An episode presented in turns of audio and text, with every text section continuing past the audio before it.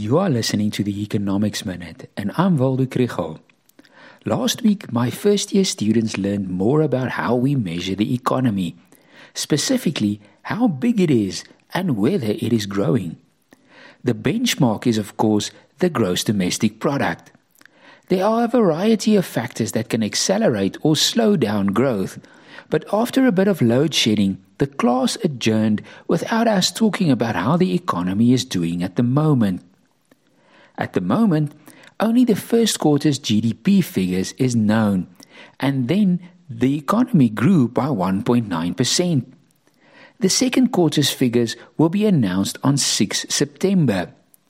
Other indicators of what has happened since can be divided between supply and demand. The supply side is about the use of capital, labor, natural resources, and entrepreneurship in the production process – and one does not expect this to change much in just a few months' time.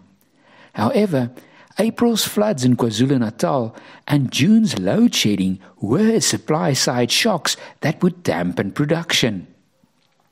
The use of the factors of production is also not something that is easily measured, with the exception of employment, which is measured quarterly. It grew slightly in the first quarter. At least there's also monthly measurements of production in the manufacturing and mining sectors. We know that industrial and mining production declined in May and June. Statistics South Africa also has other measures that can give you an idea of what's happening on the production side of the economy. For example, the amount of electricity generated, which was 4% lower in June. The transport of freight, which was 9% higher in May and capacity utilization by large enterprises, and that stood at 77.2% in May. Then there are measures of how the businesses themselves are doing, such as the Bureau of Economic Research's Purchasing Managers Index and Business Confidence Index, which have been falling in the last few months.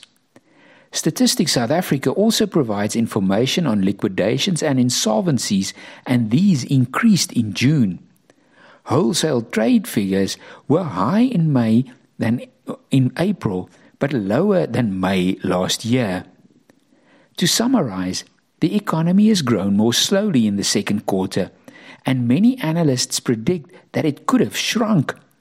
But there are also forecasts of growth around 2% for the year as a whole.